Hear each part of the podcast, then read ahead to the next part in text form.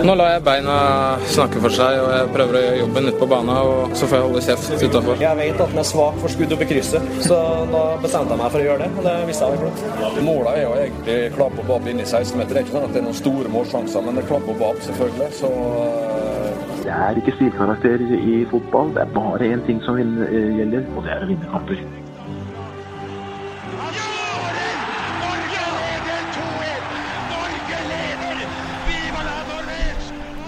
Og der er uh, Toppfotball tilbake igjen. Uh, hvor langt har vi kommet på episoderekka, Lasse? Nei, du, du, jeg datt helt ut på det, men jeg lurer på om vi kanskje begynner å snakke om 60 eller noe sånt? Gjør vi det? Er vi, er vi på 60? Skal vi se.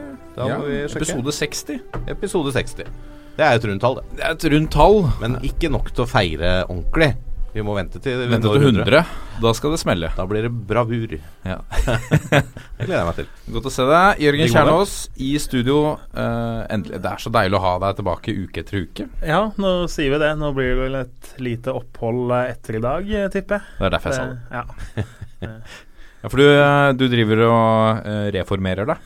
Tenker jo at når man ikke hadde en fotballkarriere verdt å snakke om på egen hånd, så må man jo prøve å få den ut gjennom egne barn, er det ikke sånn? da? Ja. Så det, i løpet av relativt kort tid så går vi fra tre til fire i heimen, og da Hoppe sånt over generasjonsledd? Altså liksom ikke For var din far god i fotball, eller var han god på sidelinja? Mest. eh, Ifølge egne vis Det er vel sånn som med åra, at man husker det bedre og bedre. si, At man blir bedre og bedre med åra. Men uh, han var vel ganske god, men han la opp i ung alder for å bli trener. Skjønte Ja. at det var der han hadde størst potensial. Uh, Ja. Så da får man heller, sånn som alle oss andre som ikke hadde noen karriere, snakke om hva som kunne vært. Eh, men han har jo lyktes greit der, så jeg tror nok det var et lurt valg. Ja, ja absolutt. Men du eh, kommer tilbake når Håper Holdt å si nye tilskudd har lært å klare seg sjøl, men Ja, ja, det får vi. Litt før det å få vel tro, men det, Å ja, de, det er de første ukene er det vel kanskje vanskelig å få lov til å komme seg ut av heimen eh, for å snakke fotball i mange timer. Ja, det må vi prøve å ha forståelse for. Uh, I dag uh, Dette er en sending som jeg gleder meg til. Jeg vet dere gleder dere òg. vi har altså en mann eh, I dag har vi til og med kjørt på med både jordbær og kjeks. eh, for det er så mye meritter på denne mannen. Eh, vi måtte ha med to vedlegg med alle roller og funksjoner eh, han har hatt i henholdsvis eh, Fotballforbundet, eh, Fifa, Uefa. eh, og da har vi jo ikke tatt med de klubbene du har vært engasjert i. Per Ravn Omdal, velkommen til oss. Tusen takk. Tusen Det er, eh, det er med en sånn eh, Nesten litt sånn starstruck-følelse man sitter med, med en mann som har vært eh, eh, både i toppen på, i verdenssammenheng i fotball, og kanskje ikke på banen, men, eh, men i eh, styre og stell. Ja, jeg har spilt for Grorud og Ja. et par klubber til, så det er, må ta det alvorlig, det, altså. Absolutt. Lars spilte vel på Årvoll, gjorde han ikke det? Det stemmer, det. Ja, Så- og jeg vokste opp i Skeid, så det var, det var skikkelig nabooppgjør. Ikke glem det. Ja, ikke bare var. Det skulle gjerne vært det ennå. Så det, det er klart det skiller to divisjoner. Så hadde det ikke vært for det, så hadde det vært et oppgjør verdt å se. Men hvordan var din egen fotballkarriere på banen, Per? Ja, det, Skal jeg ta det veldig kort? Jeg flytta jo fra Stavanger til Oslo med hele familien. Jeg var 14 år. Til Grorud. Eh, far bestemte at jeg skulle begynne i Skeid. sånn var det den gang, for han kjente Per Laurens i Torsdag Sport. Mm. Så jeg spilte aldersbestemt og var litt i avstanden der, da. Eh, og så var det militæret. Da spilte jeg for moderklubben, som er SIF. Husk på det, gutter. Det er bare én SIF i Norge. Det er Stavanger idrettsforening. Ikke sant? Ikke sant? Så, ja. det, må, det må dere ha klart for dere. Ja. Og så ble det tilbake fra militæret. da, Ett år på Lillestrøm og ett år på Ullkisa. Og så ble det Grorud etterpå, etterpå det. Og så var jeg trener da i ganske ung alder. Ja. Trener på hvilket nivå da? Ja, jeg hadde jo spilt på Grorud, da. Og, og når jeg la opp, så overtok jeg treneransvar. og Da spilte vi oss faktisk opp i nåværende andredivisjon, eller nivå tre, da. For første gang. Og det var veldig gøy. Veldig gøy. Og så har det trent et par uh, Ala Storhamar, uh, litt på grei. Holdt på å bli profesjonell trener, faktisk, en gang i verden. Ja.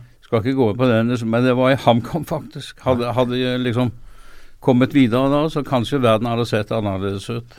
Men så har jeg trent da egne barn stort sett i aldersbestemt. Ja. Ja, og med, med, når du sier at verden kunne sett annerledes ut, det er jo nesten bokstavelig talt. For at Ja. det, det, men det tok noen år før, du, uh, før du bega deg ut i, uh, i Uefa og, og, og Fifa. Når var første uh, rollen din i, i styre og stell i norsk Jeg fotball? skal bare Før vi kommer til det, så jeg bare si at jeg bodde jo på Hamar og trente Storhamar. Ja. Jobba på Ideal Flapre. Ja. Og der hadde vi et uh, fantastisk ordtak som uh, sa uh, toget er godt, men Ideal Flapre er bedre. Så det, det var liksom det. Nei, så jeg ble spurt om å komme med i forbundet. Jeg var tilbake i i 1974, så jeg har vært med sammenhengende siden da. Ja, jeg ser her på dette vedlegget, da. Altså det, vi har aldri hatt tjukkere kjøreplan, tror jeg. Nei. Det er 74-75 medlem i NFF. Ressurskomiteen som bl.a. foreslo å innføre kvinnefotball og kunstgress. Ja. Står det der i 74-75. Det er jo ganske banebrytende i seg selv på den tiden, der, vel? Ja, eh, Eldar Hansen var jo leder da, og så var det Trygve Bonde, Svein Hågenrud og, og jeg, da. Så, og, det, og så hadde gutta vært i og sett på amerikansk fotball i USA og kom hjem med kunstgressideer osv. Så, videre. uh, så det var én greie vi vedtok da å, å prøvebygge et par anlegg. Først så kom jo i Harstad i 78. Uh, Trygve Bonde spilte da på, på Skeid, ikke sant? og spilte åpningskampen på det kunstgresset. Og så kom Jordal et par uh, måneder etterpå. Og nå har vi jo mange tusen anlegg på, på kunstgressiden, både store og små. da. Men det var der inspirasjonen til kunstgress startet i Norge? Ja, Nei, det var det jo ikke. Inspirasjonen Det er jo riktig å si at det kom fra amerikansk fotball og USA, da. Ja. Men det var dere som var de som tok ideen og gjorde om til Ja da, det var det. norsk fotball? Ja, ja det var det. Det er, eh, Og siden har det jo blitt eh, ja, Vi har snart 1100 store kunstgressbaner og 2300 ballbinger som vi har jobba mye med for den organiserte, uorganiserte delen i tilknytning til skoler osv. Så, videre. så det har vært en, en veldig hyggelig utvikling, da, for å si det sånn. Men er du selv en Er det en automatikk da at du selv er en kunstgressmann? Ville du hatt kunstgress på Ullevål f.eks.? Aldri. Nei. Nei, fordi at jeg tror vi skal ha én naturgressarena som vi skal dyrke, spille internasjonale kamper på. øh, og være attraktive i forhold til utenlandske motstandere osv. Så, videre, og så, videre. så det, det syns jeg at vi skal at vi skal beholde. Og så kan vi ha kunstgress på de andre stedene. Og dette har jo vært en velsignelse for naturligvis breddefotballen, men selvfølgelig også for eh, klubbene i Tippeligaen, eller Eliteserien som det heter. nå. Ja, For du syns det er greit at uh, klubber i Eliteserien har kunstgress? Ja, det syns jeg er helt greit. Ja. Ja, det er jo en fordel. Vi har snakket mange ganger værmessige fordeler. Men uh, nå så jeg senest i dag uh, en på Twitter som skrek ut 'Hvorfor er det ingen som lager et større rabalder av at uh, hovedstadslaget nå skal spille på kunstgress?' Ja. Det er jo et, uh, et relevant poeng, for de trenger vel ikke kunstgress på, på Valle? Det Jo. hadde gått an å gro en uh, gressbane? Ja, det hadde gått an, men da hadde du ikke kunnet utnytte bruken av den eh, stadion som de må gjøre for å kunne få det regnestykket til å gå i hop. For den eh, Altså, da hadde du kun kunnet spilt kamper og knapt trent der. Nå kan eh, flere eh, lag i Vålerenga trene der. Du kan spille kamper eh, på rekruttnivå, damelaget, A-laget, juniorlag osv. osv. osv. Og du kan ha aktivitet der egentlig hele døgnet med en god kunstgressbane som du selvfølgelig må skifte ut uh, fra, med tid til stunder. Men, uh, men dette regnestykket hadde ikke gått i mål uh, med rein, med rein gressbane på den stadion. Apropos, apropos Vålinga. Du, uh, du kommer rett fra en uh, Ikke rett fra i dag, men du har fått en, enda en hedersbemerkelse der i uh, nå nylig, som vi må legge til denne lista som vi har liggende. Uh, æresmedlem i Vålerenga Nei, det er Nei, ikke æresmedlem. Jeg fikk et hederstegn. Det var i forbindelse med et uh, jubileum for uh, samarbeidet mellom eh, gjennom mange år. da, Og jeg er også med i styret i stiftelsen Vålerenga samfunn. da, Ja. Og syns det er veldig givende. Men Men vi toucha inn på dette med, med kvinnefotball, som, eh, som har vært en, en kampsak for, for deg i eh, altså, Sikkert før eh, 74 også. Eh, men hvordan var det da, når, når dere begynte å snakke om det? Hvor, hva slags nivå lå kvinnefotball på i Norge i starten på starten av 70-tallet? Ja, det Hva skal vi si? Eh, for det første, hvis jeg tar historien til kvinnefotball, hvis jeg har tid til det, har jeg det? det kan jeg. Absolutt. Ja, ja. Her har vi tid. Eh, den første store kvinnekampen i Norge ble spilt i 1928. Det var på Jordal, nei, på, på Fognar stadion. Med to sammensatte lag. Så var det 5000 mannfolk på tribunen som stort sett var der for å le av jentene og se på, komme med slibrige kommentarer osv. osv. Eh, og kong Olav, eh, kronprins Olav den gangen var selvfølgelig i spissen. Og stjerna blant de to lagene var Sonja Hennie, som tok tre gull i OL siden. Så vokste dette, og frem mot krigen så var det profesjonell fotball for kvinner, bl.a. i England og Frankrike. Så ble engelskmennene redde for at dette skulle ta luven fra gutta. Så de forbød det etter krigen, og vi fulgte jo engelskmennene i tykt og tynt, stort sett. Så det var forbudt terror. Eh, Så begynte noen jenter nede i Grimstad, eh, litt i Viking, litt i Bergen og i Frigg. eh, Å røre seg og begynte å spille kamper. Dagbladet tok tak i det. De fikk eh, uoffisielt NM. Så vi tok opp denne saken da i 74 og foreslo eh, for tinget i 76 at vi skulle godkjenne kvinnefotball. Og det var til mange store fortvilelser, protester. Eh, vi hadde ikke baner, vi hadde ikke doer. Og så historien har jo vist at gutter og jenter har klart å tisse på samme doen. så, så det har gått veldig greit i grunnen. Ja. Eh, men det, dette, var, dette var en tung sak. Og da, hvis jeg sier sånn eh, Det var en 50-60 jenter som spilte den gangen. Uh, I fjor var det 128 000.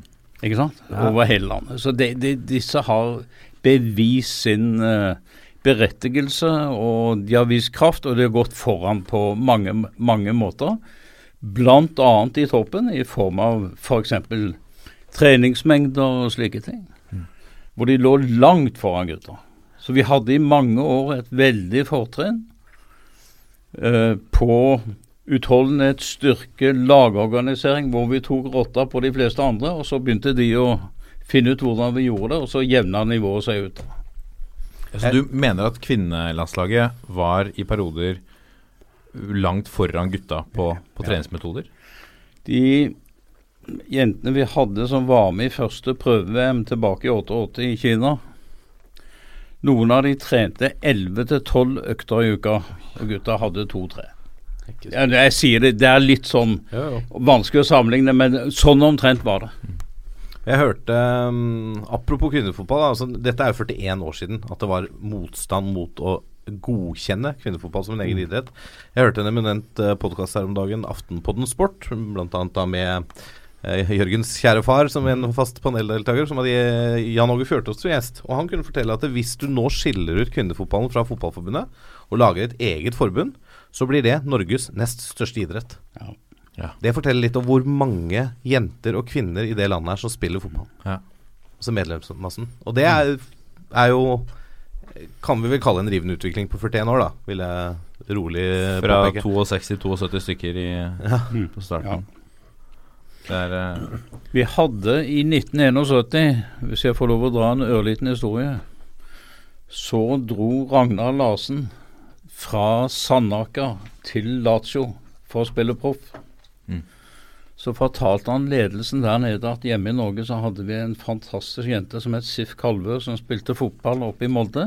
Spilte med Karen Flatseth og et par til, i et håndballmiljø. Ja, send henne ned hit, sa de i Lazio i Roma. Der fikk hun proffkontrakt. Året etter spilte hun for AC Roma. Året etter det så gikk hun til Foggia i Sør-Italia. Altså tre sesonger. Og da brakk hun beinet, og så kom hun på sykehus.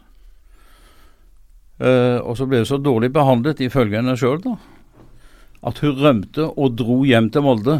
Så fikk hun brev fra det italienske fotballforbundet at hun var uønsket mer i Italia for å ha brutt kontakten. Men året etter så fikk hun et nytt brev fra det italienske fotballforbundet som spurte om hun kunne komme til Italia og spille landskamp for Italia mot Mexico. Ja, riktig. Og det gjorde hun, og det var under navnet Silvana Calvana. Og dette har jeg hatt mye moro og, og, og glede av å konfrontere de italienske kollegaene med, da, åssen de juksa i gamle dager. Ja. men det var, det var jo gøy, da. Og det er ikke eh, det er, Jeg syns ikke det er lenge nok siden til at liksom det Nei. Nei. Altså juks på sånn type spiller. Ja, også på et sånt nivå, da. Ja. Landslagsnivå. Ja. Jeg henter en norsk kvinne og gir henne et annet navn. Helt uh, Ja, helt magisk. utrolig, Ja. Ehm, men så har du hatt uh, Altså, vi, vi, vi har, jeg tror ikke vi har tid til å dra opp alle rollene og alle komiteene som du har sittet i. uh, men vi må bruke litt tid på, på, på flere av de. I, men i uh, I 88 ble du valgt til eh, fotballpresident første gang. ja, det var egentlig året før, da. Ja. Men du til, tiltrådte i Eh, 88? Ja, eh, det hadde seg sånn at det ble litt eh, støy. Ja. Eh, det, vi hadde styret, da. eh, Ivar Hoff, som vi har diskutert eh, før, var visepresident. Eldre Hansen osv. Så, videre. Så det styret gikk av eh, dagen før cupfinalen i 87, og da fikk vi et interimstyre som jeg da leda frem til 88. Ja. Det er Så da var jeg òg fungerende, eller var leder da. fungerende Ja, president, ja. ja, ja. Men hvordan, ja, hvordan var mottagelsen da? Jeg syns det ofte er støy ja, når vi skal velge president og vi skal bytte fotballstyre. og Har det alltid vært sånn? Er det, en, er det naturlig at det blir litt bråk? Den gangen så hadde vi eh, noen utfordringer rent økonomisk. Eh, av ulike grunner, som det er ikke vits i å rippe opp i nå. Eh, ikke reiseregninger? Nei, det var ikke noe sånt. Det ikke noe sånt. Men, men eh, s- Og det gikk vi inn i med åpne kort, og jeg ba om eh, samarbeid og tillit fra forsamlingen, og det fikk vi. Eh, vi måtte kutte ut uh, en del uh, ting som vi rett og slett ikke hadde råd til. Det fikk vi aksept for. Og så gikk det seg til i løpet av noen år. Vi prøvde å bygge stein på stein. Mm. Og så var det jo en periode hvor vi også rent sportslig begynte å lykkes veldig bra med ting. Men jeg ser jo, du var jo da president fra 87 da til 92, Ja. og så fra 96 igjen til 2004. I den eh, fireårsperioden imellom der, Ja. var det da Tapte du et valg, eller valgte du selv å tre til side? Nei, jeg valgte å gå til side. Ja. Eh, og det var uh, Det var jo Odd Flatum som tok over da. Ja. Uh, og han, vi hadde sittet sammen. Uh, jeg var valgt i Uefa, og jeg ble valgt i Fifa. Eh, så jeg tenkte at uh, det kanskje var nok, men så ja. Nei, så det var Men jeg var veldig involvert i Fotballforbundet på, på siden av selve styret, da, selvfølgelig. Ved siden. Så har det kommet ut en, eh, en ny bok om, eh, om landslaget, som vi snakket om i forrige episode også, hvor eh, ansettelsen av Drillo eh, der, den har vært veldig Jeg syns den har vært myteomspunnet. Jeg vet aldri hva jeg helt kan tro på når det har skjedd. Det vel, var vel eh, et rykte om at han var der på en slags prøvetid, Jørgen? Ja, han uh, kom jo fra jobben som uh, sjef for OL-landslaget. Eh, og så den historien som i hvert fall vel er mest gjenfortalt, er vel at Altså, vi gjorde det jo kjempebra i de første kampene han hadde som landslagssjef. Starta jo med 6-1 mot Kamerun, og så blei det vel to seire til eh, den høsten. Eh, og så at han da var umulig å på en måte gå utenom når da du skal ha en permanent løsning. Mm. Men eh, vi har vel ikke noe mye bedre kilde kanskje enn eh, det vi har i studio nå. Kan ikke du fortelle litt om den prosessen rundt da Drillo ble ansatt, eh, Per? Jo, det kan jeg, det kan jeg godt. Eh, dette, dette går tilbake i 79. Og da var Drillo leder av ungdomslandslaget. Han overtok etter Leif Eriksen. Og jeg kom inn i styret og ble da leder for OL-landslaget. Så jeg jobba sammen med Egil frem til han eh, gikk av vel i 85, tror jeg. 5-86 eh, med, med, med U-laget. Og var får nesten si nokså tett på hele tiden. da. Uh, og lærte han å kjenne veldig bra. Vi var hadde også et veldig bra forhold på, på privaten. Uh, blant annet spiller, spiller, vi kort, og det kortlaget det består ennå den dag i dag. Bare så det er sagt. Uh, han var systematiker, han var flink, og jeg hadde aldri møtt noen Jeg drev også som hva skal jeg si, rådgiver i næringslivet, bl.a. på ledelse og organisasjonsutvikling, og jobba med ledergrupper og den type ting som var så flink til å gi utøverne tilbakemelding på utført jobb. Mm. Altså én og én. Og gutta fikk du Det og det var bra. Det der må du forbedre. Veldig konkret. Og han var veldig konsentrert om jobben. Ikke alt stæsjet utenom, for det er mye stæsj. Men om eget lag, motstanderlag og neste kamp. Så jeg var jo sikker på at uh, dette var den rette mannen for oss, jeg trodde jeg. Mm. Uh, det var nok noen som var av en annen oppfatning, uh, særlig blant den eldre generasjonen spillere, altså de som var A-landslagsspillere på 80-tallet. Var det nok en del kritiske røster.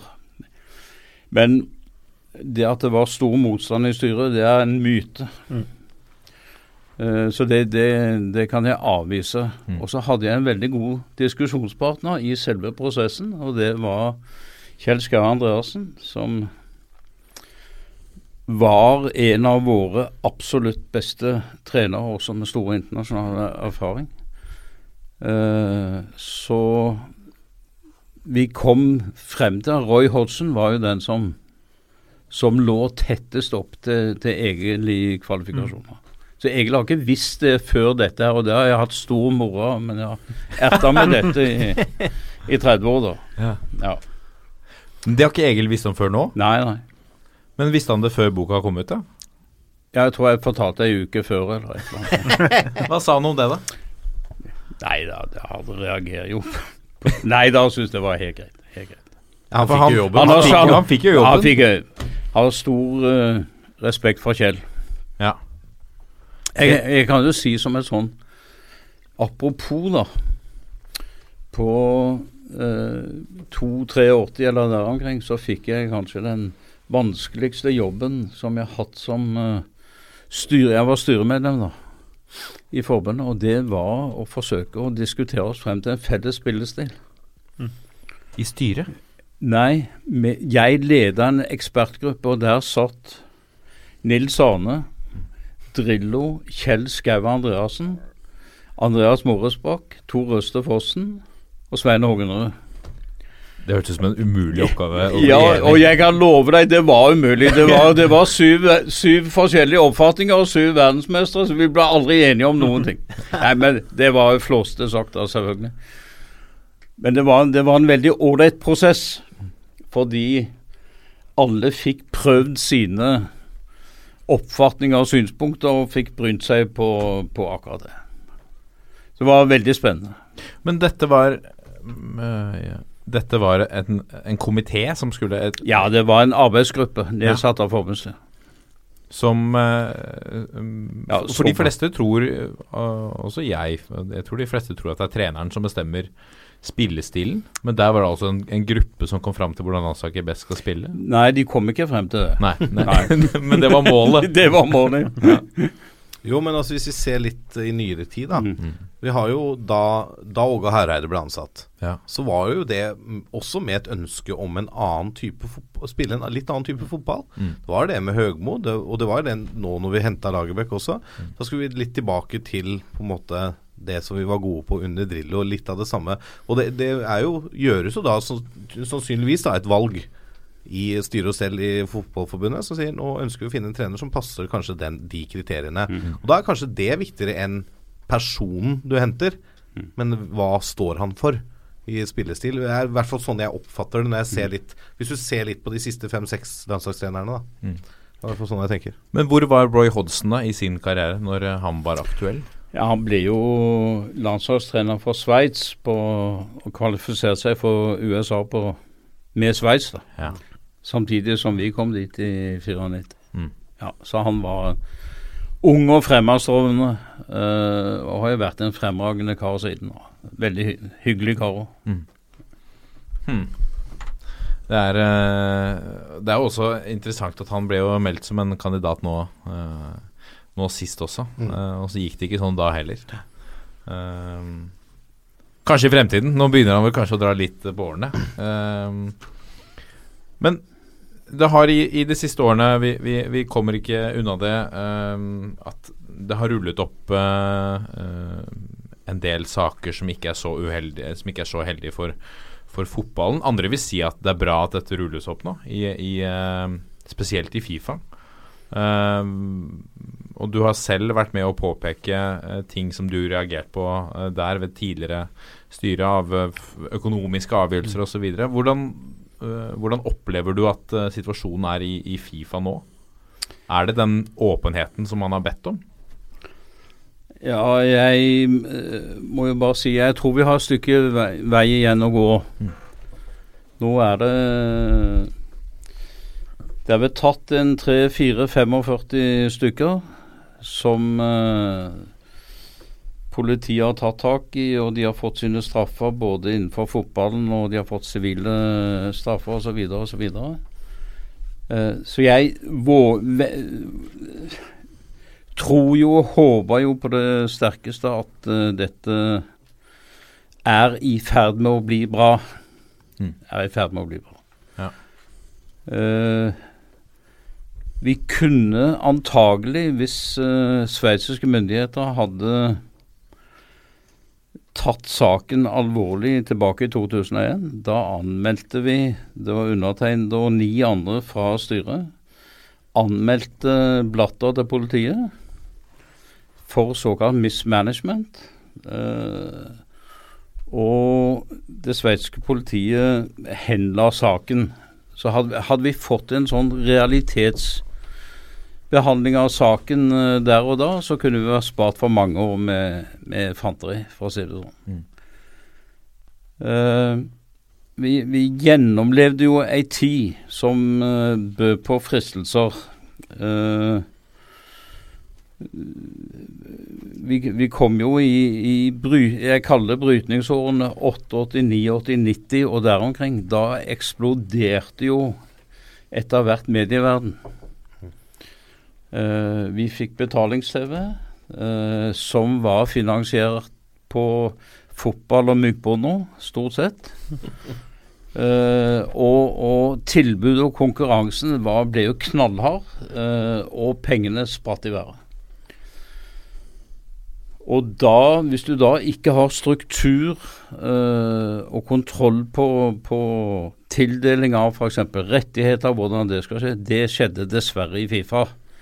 At enkeltpersoner innenfor systemet ble tildelt rettigheter som skjedde med Avalanche, som var min første sjef i Fifa. Uh, ble jo tatt fra dette. Uh, ja, det var nokså mange i Sør-Amerika og Mellom-Amerika selvfølgelig, og etter hvert viser det seg at dette også skjedde med en del europeere.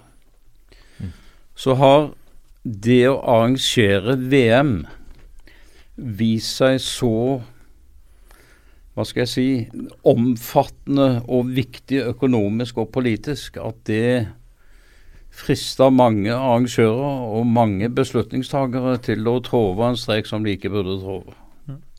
Jeg så du har vel sagt at uh, du har fått tilbud om uh, ting i forbindelse med tildeling av, uh, av VM-arrangementer tidligere òg. Det er riktig. Mm. Kan gi et eksempel på det. Eh, styret, Jeg satt jo i styret og var med og tildelte VM til spesielle land. da. Uh, hvor du uh, Det hendte at du ble tilbudt uh, Ble tilsendt til og med Mm. første klasse på fly. Det var omtrent dobbelt så dyrt som business. Med kone og reise ned og se på forholdene der nede, eller hvor det nå måtte være. ikke sant? Og ukes opphold og alt det der greiene.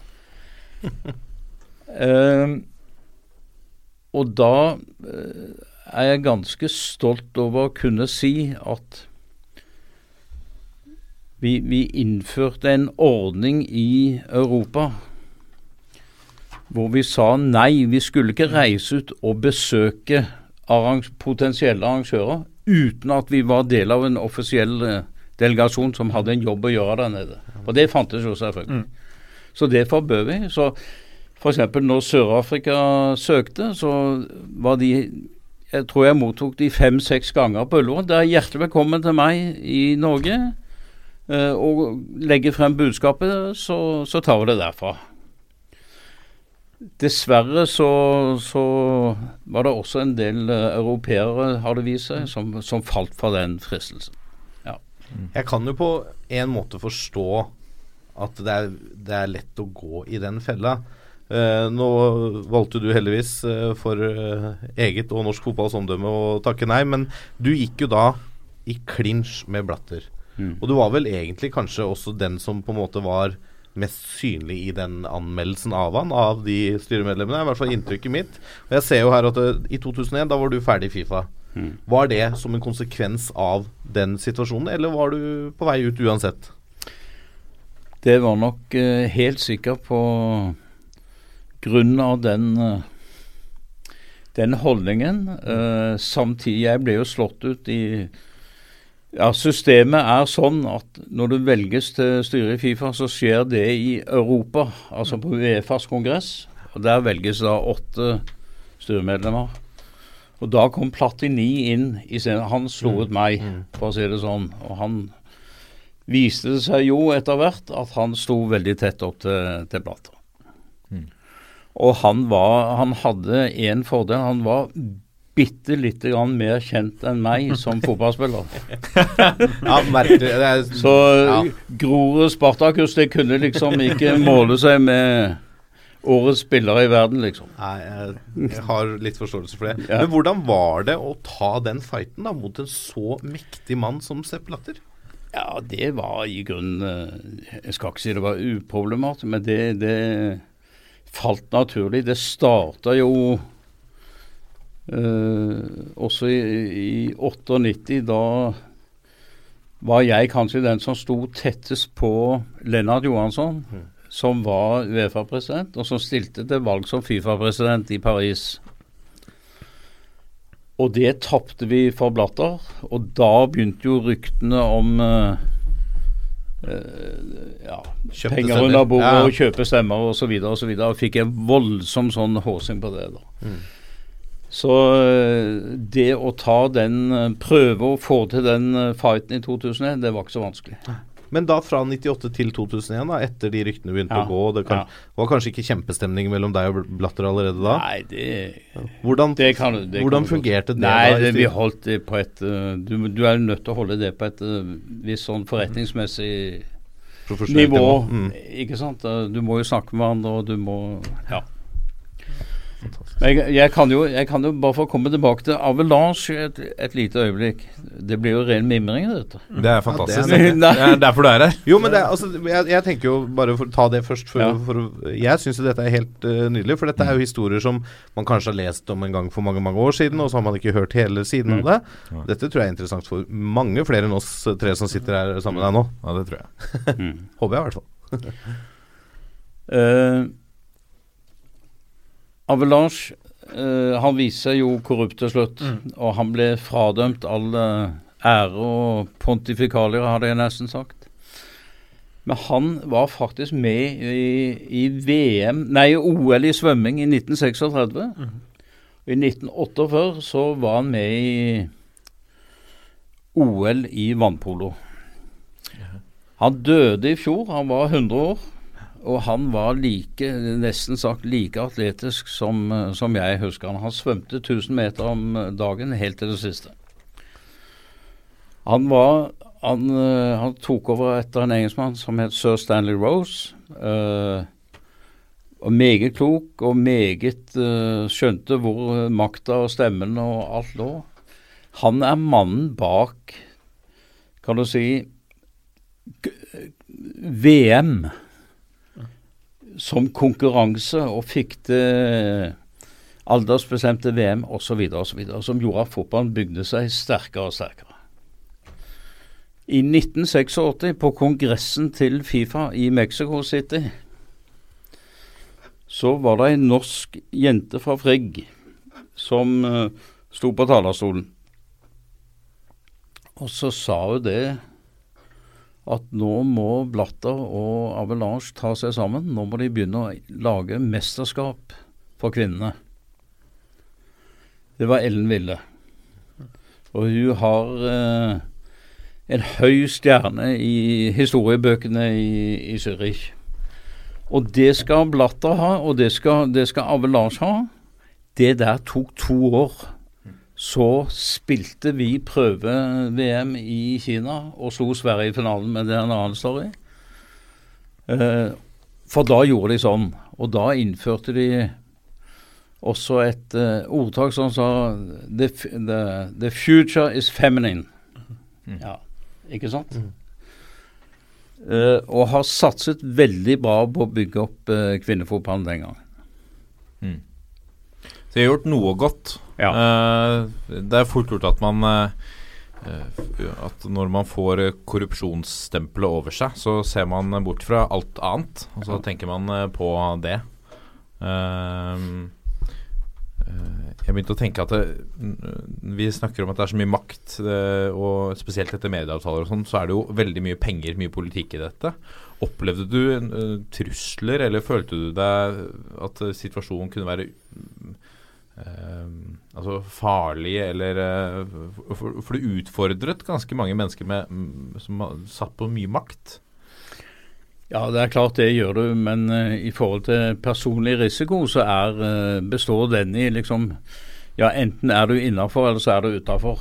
Ikke sant. Ja, du taper et valg, og, ikke sant. Eh, og, og sånn er det, liksom. Eh, Jeg syns det er vanskelig å gå på kompromiss med, med det du er overbevist om er riktig. Mm.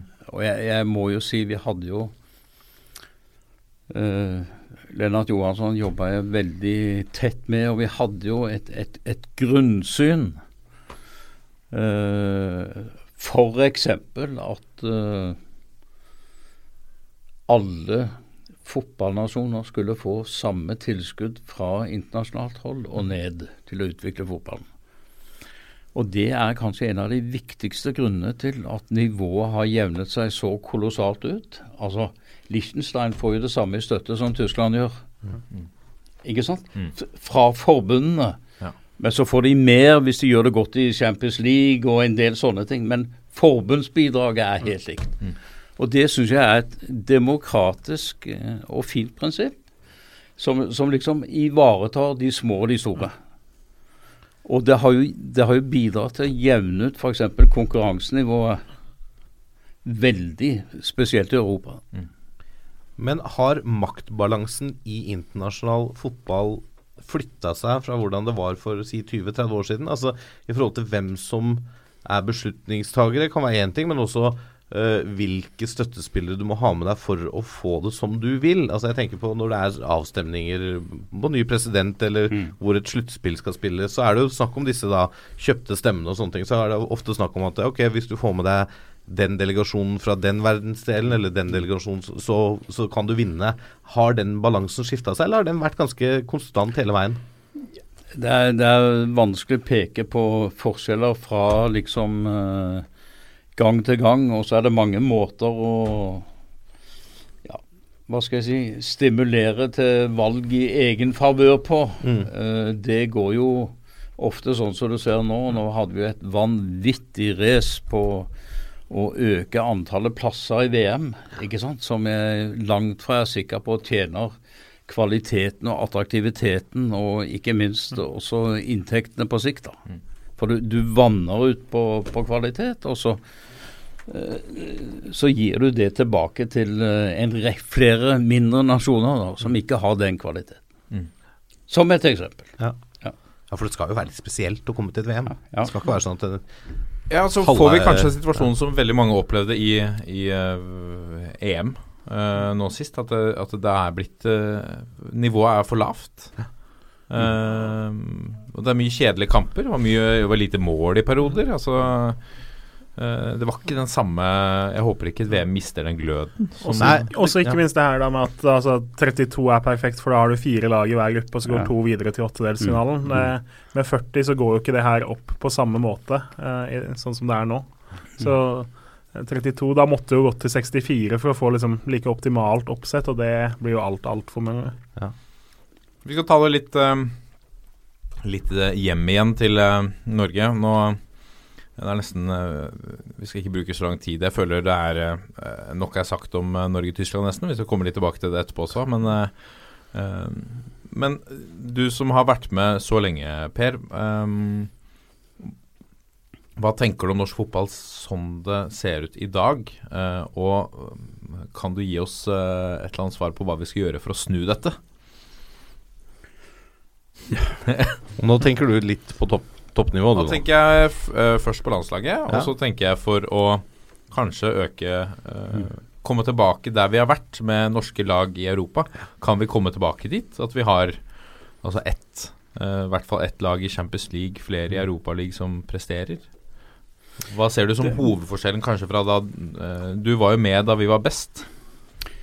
Ja, altså Bare for å ta det med klubbene først, så har det jo Det har vært uh, en utvikling som vi gjerne skulle sett litt annerledes. Vi husker tilbake på, på de gode Rosenborg-årene og Molde i Champions League. Uh, Molde var også på et veldig godt steg oppover den gangen, og skusla kanskje det litt bort på en eller annen måte. Jeg har ikke detaljkunnskap på det, men, men, men det skjedde.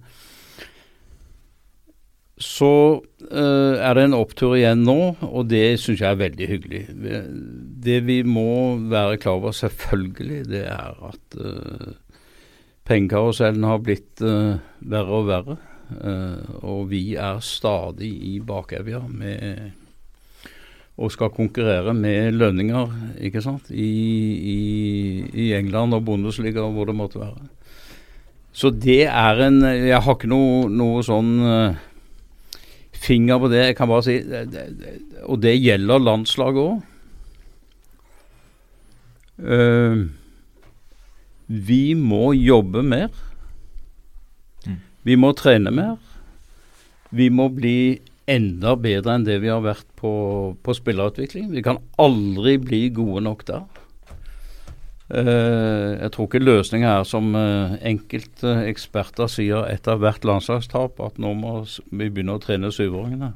Altså skille på, på syvåringene. Eh, og, og liksom Det er greia. Det, det er ikke det som er greia, tror jeg. tror vi må intensivere treningsjobbinga med de yngste og gi de en skikkelig runde. Og Der har jeg tro på det arbeidet som nå gjøres på herresiden, og håper vi skal få noe tilsvarende på jentesida. Med hvor, hvor toppklubber og kretser og de beste trenerkreftene går sammen om å gjøre ting. Og da vil de beste spillerne naturlig gå til de beste klubbene. Og så får vi det som en positiv sirkel også på landslagene. Eh, dette er kommet lengre på herresiden i dag enn det det er på, på kvinnesiden. Og der må vi gjøre, tror jeg Nå kommer Karen Espelund og noen med noen tanker rundt den type ting nå, ikke altfor fjern fortid. Uh, der trenger vi det enda mer. Ikke sant? Det at vi knytter storklubb, krets og alle talentene fra alle de gode breddemiljøene som vi har, sammen. Da får vi innsig av flere gode spillere. Men det må gjøres oftere. Det må gjøres mer. Ikke sant? Og individene må trene mer. Og så må vi få gjøre et krafttak på å få gode trenere ned på de yngste. Det er liksom eh, og Der har det vært gjort en del grep i Fotballforbundet nå. Eh, som jeg er veldig positiv. Vi har begynt med kvalitetsklubber osv. osv. Og, og prøver å styrke hverandre. Jeg driver for øvrig med noe tilsvarende i Uefa-sammenheng. Men, men det å lære hverandre og respektere hverandre, det har vi veldig god, god erfaring på. Og så må jeg jo tilstå at jeg håper at vi snart eh, mange begynner å tenke og spille i lengderetningen av banen. Der, der eh, må det stå, tror jeg. Og så skal jeg, skal jeg legge det til side, men, men jeg syns det er for mye støtte og bakover. Eh, også, også sånn rent mentalt. Både blant spillere og, og, og trenere. Altså, vi må lære opp eh, også ungdommene og talentene til å tørre og våge Ja. i lengderetning. Jeg er helt enig. og du, Hvis du ser på noen av de beste internasjonale lagene eh, altså Se på Tyskland, da, eller ja. Brasil og Argentina. De er jo fremoverretta når det byr seg muligheter. Det går jo i full fart fremover med mye folk. Eh, De, de står jo ikke og triller ball bare for gøy hele tiden. Eh, Jeg er helt enig. Og så tror jeg det med internasjonal fotball altså Du nevner økonomi. Det har jo skjedd masse på økonomisiden. Før så var det kanskje noen klare nasjoner som hadde mest økonomi. Men nå er det jo flere i hermetegn mindre nasjoner som plutselig har blitt nyrike. Kan hente spillere på et helt annet nivå enn de kunne for ti år siden. Som, gjør, som da løfter nivået på den lokale ligaen, som da kanskje også løfter nivået på de lokale spillerne.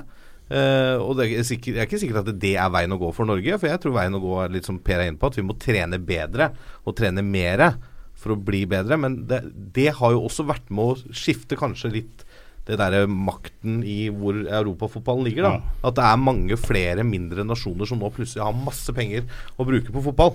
Og folk vil, er villige til å bruke det. Og så må vi være litt, uh, syns jeg da, edruelige og, og, og liksom si at vi, vi, vi bygger tross alt på en tradisjon her som starta i 1902. Det er 115 år har vi holdt på. Vi har vokst hele tida, stort sett. Ikke sant? Så er det et Vi snakker nå med et par tusen utøvere. Men jeg er jo minst like opptatt av de 367 400 andre som er der, og som har et fantastisk sted å være hele livet. Jeg driver nå eh, med f.eks. Eh, fitness, fotballfitness. Eh, det er gutta pluss 65. Det er elleve mann på treninga i Lyn hver mandag klokka 11. Og to av de er over 80. I morgen er det Grorud. Ikke sant? Klokka 11. Og da er det en 12-15 mann. Ja. Det er noe. Tenk på hvilket instrument som Vålerenga har vært flinke til å, å ta i bruk, som fotballen representerer, f.eks. For i forhold til integrering. Det finnes ikke noe annet i denne verden som er bedre som eh, integreringsverktøy enn det fotballen er. Og klarer vi da også å få med familiene, altså de voksne foreldrene til unger, på en mer offensiv og, og bedre måte, så begynner vi å nærme oss noe som er veldig positivt. Dette må vi huske. Du skal ha en plass i en fotballklubb uansett hvor god du er. Og så og så må ikke Og det har ikke noe med landslaget å gjøre. Men de identifiserer seg med landslaget. For de skal kjøre et eget løp for er, som er for de som blir, skal bli virkelig gode. Og så skal vi kjøre et kvalitetsmessig skikkelig løp også for den andre, andre delen. Dette klarer vi. Dette er toppfotball. Og du har vært med så lenge, Per, at eh, det er jo eh, Det går noen rykter, eller noen myter, som jeg gjerne vil eh, høre med deg om, om stemmer. Noen vandrehistorier. Hvis du kan komme enda nærmere mikrofonen, eh, skal du endelig få muligheten til å bekrefte eller avkrefte dette.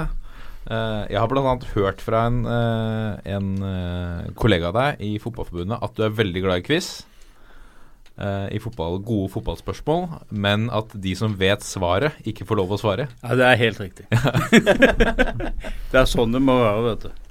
Ja. Men hva er, hva er typiske spørsmål som, som For da er det ikke sånn Da tror jeg ikke det er sånn enkle spørsmål. Jeg mener å ha hørt at det er eh, ja, kompliserte det er, gåter. Det er, det er sånn som eh, folk flest bør kunne, bør kunne da. Ikke sant? Ja, som er liksom fra ja, helt basis. Folkeskolenivå, vil jeg kalle det. Ja, ikke sant? Ja. Har, har du et eksempel på et sånt spørsmål? På Ja, vi hadde, et, vi hadde busstur med bussen til klanen i forrige uke til Sarpsborg med Fotballmuseets venner. Da, og jeg hadde lagd spørsmålene, da. Og da hadde jeg ett, og det syns jeg alle bør Hva er moderklubben til Vidar Hansen? Hvem, hvem er Vidar Hansen? Ja, akkurat. Spilte på Lillestrøm og Fredrikstad. Ja. Men, men, men så er det mot, vi var jo på tur til Østfold da, ikke Ja. sant? Da må du kunne det, liksom. Ja, ja det, er, det er sånn. Hva er moderklubben til Vidar, Vidar Hansen? Vet du det ikke? Nei. Nei. Nei, akkurat. akkurat. Jørgen, dette kan du, ikke sant? Ja. Nei, jeg kommer til pass. Det er Rett på Google, vet du. Ja, jeg kunne jo Det er Slitu. Ja, Slitu. riktig. Da, Ja, ja. Ikke sant? Indre inn, In, ja, veldig Ja. inndragsråd. Ja, Ja. ja. ja. Så du vet hvor det er? Hva jeg tror det er. Men eh, det er klart Vibeke Skofterud gikk fra. Slitu. Ja, stemmer det. Det er vel fra et område hvor Trøgstad Båstad har den stolteste fotballhistorien, og det, det sier jo kanskje litt. Og så har jeg hørt at du er veldig glad i veddemål. Ja, det kan stemme, det. Ja. Jeg har hørt at det veddes både om én og to og tre kasser vin. Kan det stemme? Ja, det er ikke utenkelig. Har du et eksempel på en sånn type jeg, eh, men, I denne historien så har jeg hørt at du og Nils Johan Sem kan være ferdig til å kjøre i gang veddemål. Ja, det, det kan nok tenkes. Har du et, Nei, nei, har du et nei, akkurat det kan jeg ikke huske. Nei. Nei. Men det er ikke, det er ikke utenkelig Nei, nei, det er det ikke. Men ikke, ikke med sånne store premier. med én kasse? Nei, i- ikke det heller. Jeg kan ikke huske det, faktisk. Nei. Uh, en annen historie her. eh, Du blir jo veldig brun når det er mye sol. Ja. Så har jeg hørt at du har blitt stoppa i passkontrollen enten på Fornebu eller Gardermoen, Ja. hvor det ble påstått at eh, bildet på passet ikke er deg. ja, det er sikkert også riktig. Ja. Eh, Det må ha vært i, på gam, Fornebu. I gamle dager, før, før jeg var du kan si mindre eksponert, da, Ja. så jobba jeg mye i Sverige. Ja. Og kjørte bil dit. Og da ble jeg stoppa på grensa av bilen stort sett hele, hele tida. Ja. Og Dagbladet kjørte jo en sånn lookalike for mange år siden. Uh, hvor de hadde meg og den indiske presidenten. Ikke sant? Ja. Og så ble det eh, Og det var greit. Og så ble det valg i India. Og da, 14 dager etter det, så var jeg jammen i Dagbladet igjen med den nye presidenten. så det, ja, og det, det var det noen som sendte til Uefa, så det sirkulerte også i noen interne aviser og greier nede i Uefa. Vi har fått inn inder i styret. jo da. Det er eh, Eller så er Peter Batta fra Ja. Huseierforbundet han er jo min eh, faste dobbeltgjenger, da, for å si det sånn. Dere er ganske jeg- like. Ja, vi, jeg blir jo stoppa på gata. Miss, uh, Herr Batta, nå får det være nok. Ikke sant? Fra folk som er er misfornøyd med skatten, ikke sant. Sikkert noen som har snakket med han om fotball òg. Ja, ja, ja. Ja, det er det helt sikkert. ja, ja.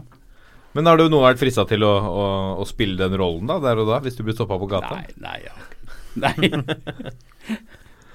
Eh, hvor god eh, Så har jeg hørt et annet rykte om denne Om at du har ukentlig Det mener jeg det er Arne selv som har sagt i, i studio hos oss, at dere har, om ikke ukentlig, men jevnlige spaserturer rundt Sognsvann. Det er korrekt. Deg og, og Arne og Drillo. Det er korrekt. Arne Skeie, da. Må Arne Skeie, må vi si. Vi er på fornavn med Arne. Han Ja, det er det. Men det er eh, for meg det er en sånn kuriositet som jeg liker å, å vite om at Ja. gamle helter fortsatt holder kontakten og møtes liksom utenfor fotballbanen. Og da ifølge Skeie så eh, er det ikke alltid det er fotball som prates om, men det er løst og fast. Det er løst og fast. Ja. Men det er jo avhengig av at uh, Siggen er hjemme. Ja. Og Siggen er kona til Egil. Ja. Eh, sånn at vi får litt skikkelig mat når vi har, når vi har gått rundt Sognsvann. da. Hvis hun ikke er hjemme, så blir, blir det avlyst. Ja, det er bra. Men det, det ak akkurat den turen der også forteller meg litt om at det ikke er så store forhold i Norge.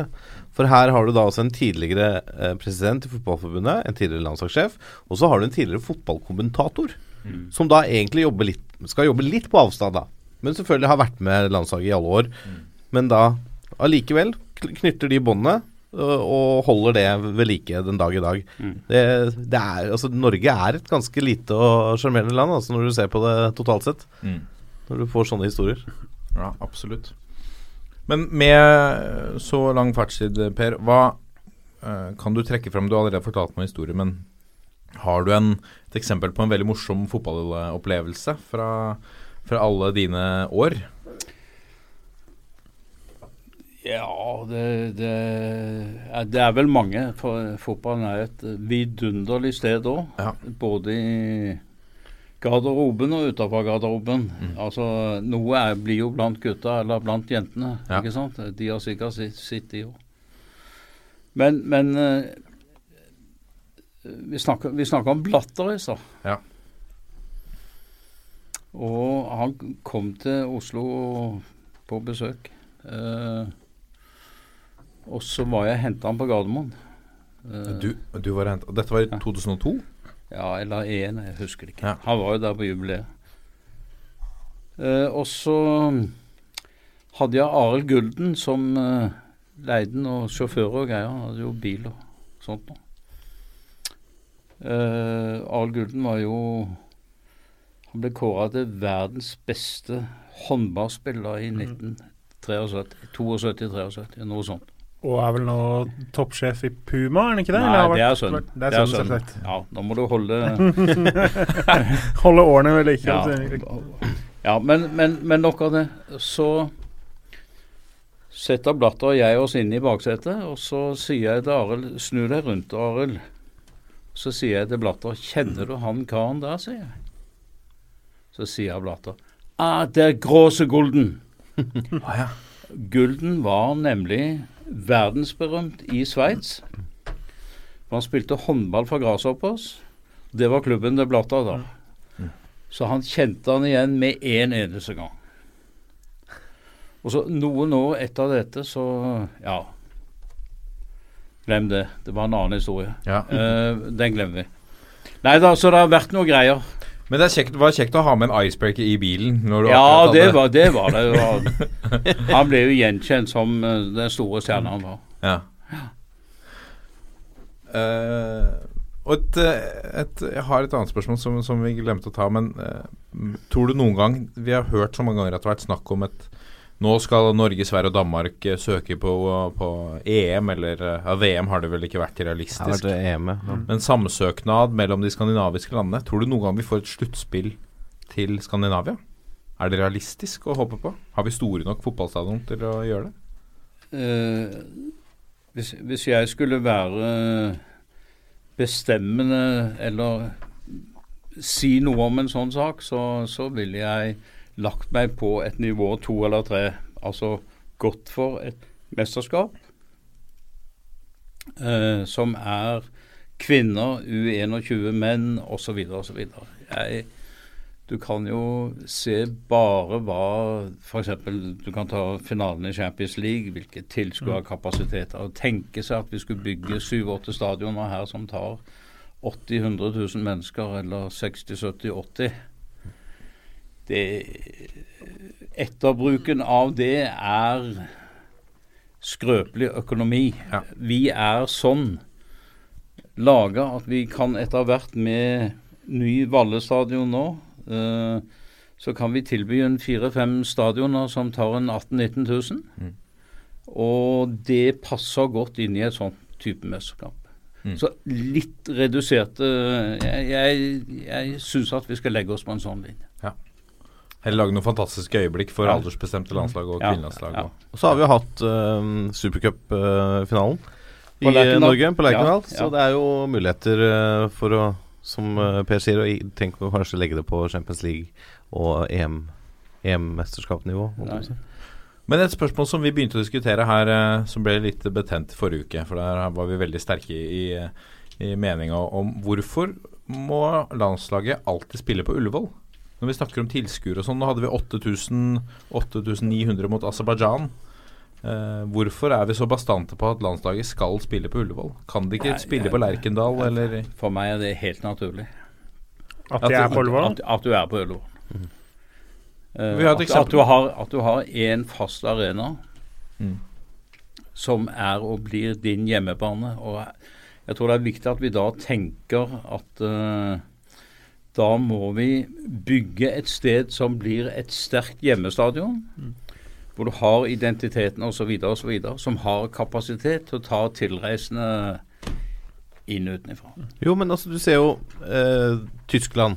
Ja. Flytter jo litt rundt her Ja. og der. Spania har jo gjort det til en greie. Ja.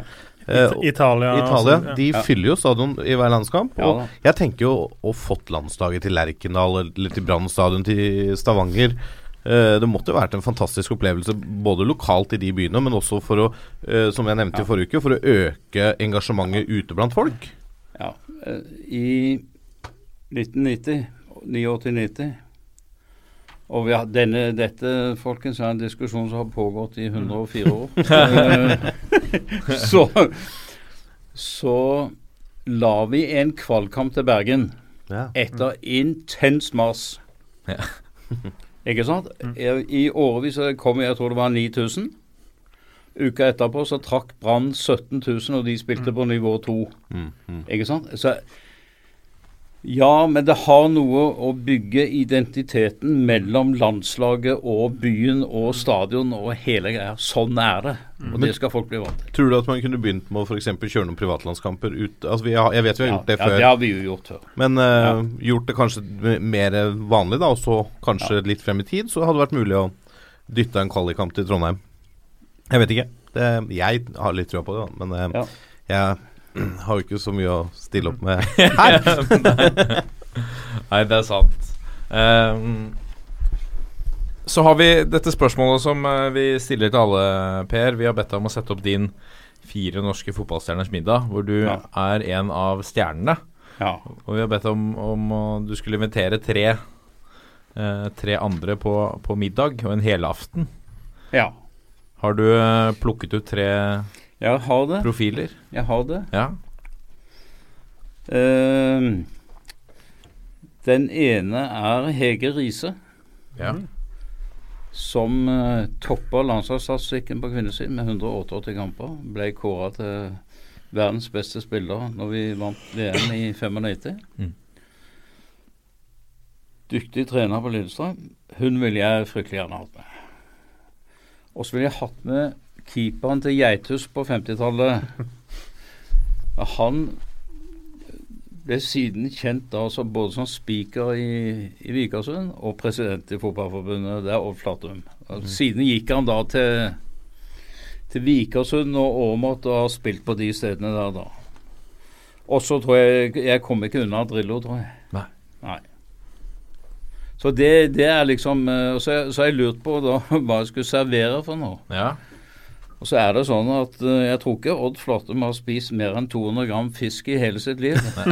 Han er liksom på nummeret før Struma. Men, Du tar men jeg tar Jeg tar Jeg vil, jeg vil servere kamskjell til forrett. Ja. Det har jeg lært meg å lage sjøl.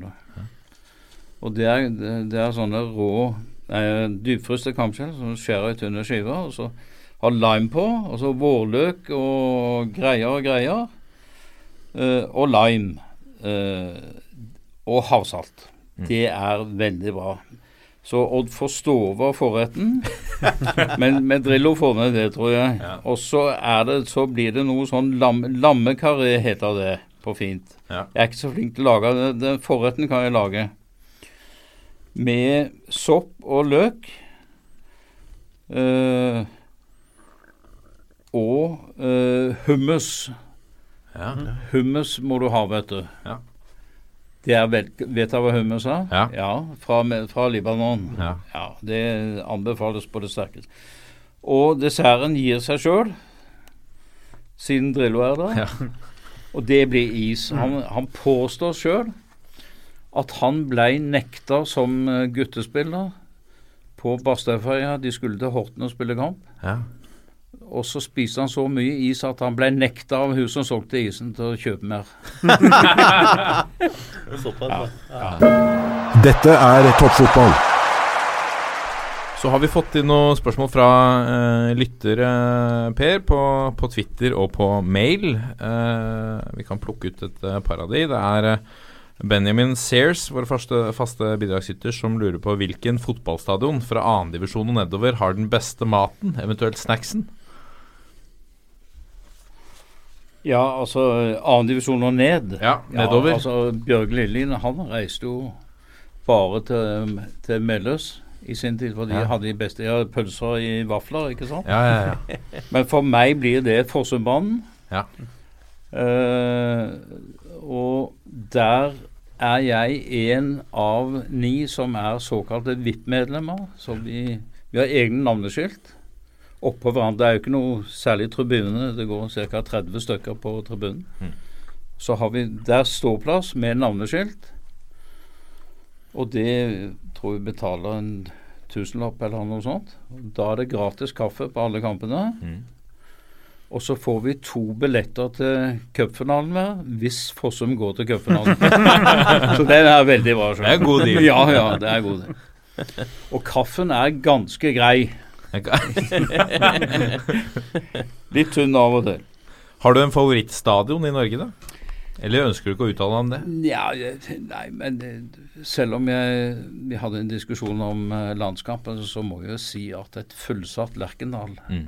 ved siden av Ullevål, det, det er veldig bra. altså. Det er sus over det. Mm. Så jeg syns at Lerkendal kommer høyt, altså. Ja. Ja. Så er det Sabilution på, på Twitter som spør Ja, det har vi for så vidt eh, svart på. Spørsmål om, uh, om Drillo. Men vi må ta med et spørsmål fra våre beste menn. Ja. som lurer på hva er Omdals tre favorittspillere på det norske landslaget gjennom tidene? ja. Og det er et tilleggsspørsmål der som er ganske interessant. Han snakker om 94-årgangen, går ut fra Mena da. Han lurer på om det De, 94 de, er de som var i VM i 94? Ja, det tror jeg. Vi tror det. Ja. Uh, og da har jeg lyst til å si, uh, for det var en annen diskusjon her forleden Det har aldri skjedd i norsk fotballhistorie at vi har hatt så mange gode spillere på en gang. Som i 94? Nei, 88 Ja. kvalifiserte de gutta seg til EM, som gikk i Tsjekkoslovakia den gang. Slovakia gikk de. Og det var åtte nye spillere som var utgjorde stammen på hele 90-tallet. Det er Henning og Myggen og hele ikke sant, Kostebinderi, Bjørneby. Det var samtidig. De gikk også til VM i 99. Trener var for øvrig Svein Ivar Sigernes fra Kongsvinger, som var og, og, og dette gjenget ble løfta inn i kvaliken og senere i VM i 94. Så jeg påstår, som, som lytteren spør om, vi har aldri hatt så mange gode samtidig. Som regel får du én eller to. Ja. Uh, hvis jeg da skal Dette var vel den eh, 69-årgangen? Ja, ja, ja. Mange av de var født i 69. Ja. Mm. Hvis jeg skulle rangere de beste ellers,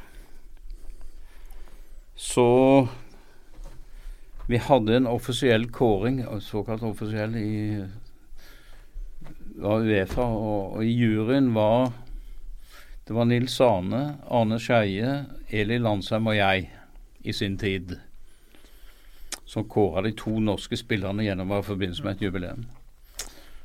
Og da kom vi frem til Rune Bratseth. Og jeg står selvfølgelig ved lag med det. Han var en fantastisk spiller både for landslaget og som lagkaptein og det hele.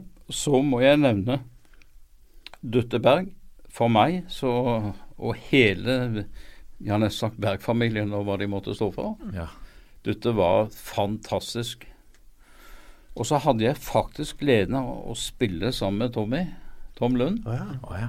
på Lillestrøm, som den gang var tredjedivisjon. Jeg spilte bare ett år, da. Men, men eh, eh, fikk jo øynene opp for etter hvert hvilke kvaliteter han hadde. Og det var liksom Hadde Tommy gått til Ajax, som var liksom i frågan den gangen, så hadde det blitt veldig stort. Så Tommy er med blant de tre. Ja, det er vel vanskelig å komme utenom Tom Lund i en sånn Ja, kåring. ja. Det er det. Eh, tror jeg. Selv om ikke alle på dagens landslag vet hvem han er. Nei, og vi eh, vet vel ikke godt nok hvem han er, vi heller. Sånn, eh, vi har vel ikke sett nok til å forstå virkelig hvor stor han har vært, sånn live. Nei.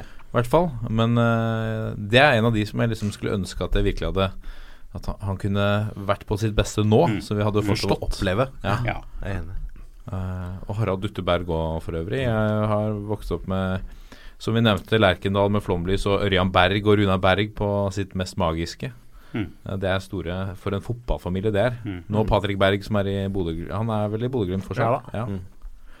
Um, jeg tror det er eh, Det har vært fantastisk å ha deg i, i studio, eh, Per. Det er eh, Det var gøy. ja, det er hyggelig. Uh, masse gode historier og en slags eh, eh, Hva skal man si? Et slags fotballorakel. Så det er så mye erfaring som eh, vi har fått med oss i, i, i denne sendingas første time. Eh, så takk. V- Du er jo, sitter jo alltid i en eller annen komité. Hva slags eh, Hva driver du eh, dagene med nå for tida? Eh, for det første så er jeg, og det har jeg vært lenge, sterkt eh, involvert i Fotballforbundets arbeid i Midtøsten. Mm. Uh, jeg har nettopp vært ei uke i Amman. Vi bygger har bygd nå syv kunstgressbaner på pikeskoler på sko skoleplassene. Uh, og fem store baner opp i de områdene hvor eh, det er mye syriske flyktninger. Er fantastisk givende. Og så er, har, har forbundet et omfattende utdanningsprogram for kvinnelige trenere. Som eh, har som målsetting å rekruttere flere jenter. Og det, eh, det følger jeg fra utsiden, da. Men det går fantastisk eh, bra, så det er veldig spennende. Mm. Og så er jeg fremdeles i ja, i, holder på med anlegg i Norge ennå. Og eh, har eh, også jobba mye på Jeg er såkalt grassroot ambassador i Uefa. Det tar mye tid. Mm. Men det er gøy og inspirerende. Ja. Og vi prøver å lære av hverandre. Mm. Ja. Så nå skal vi ha om 14 dager, da er det nytt eh, Da skal vi fire dager i Danmark med seks nasjoner som skal sammen og lære av danskene hvordan de håndterer skolen. Ikke sant? For å rekruttere flere både gutter og jenter.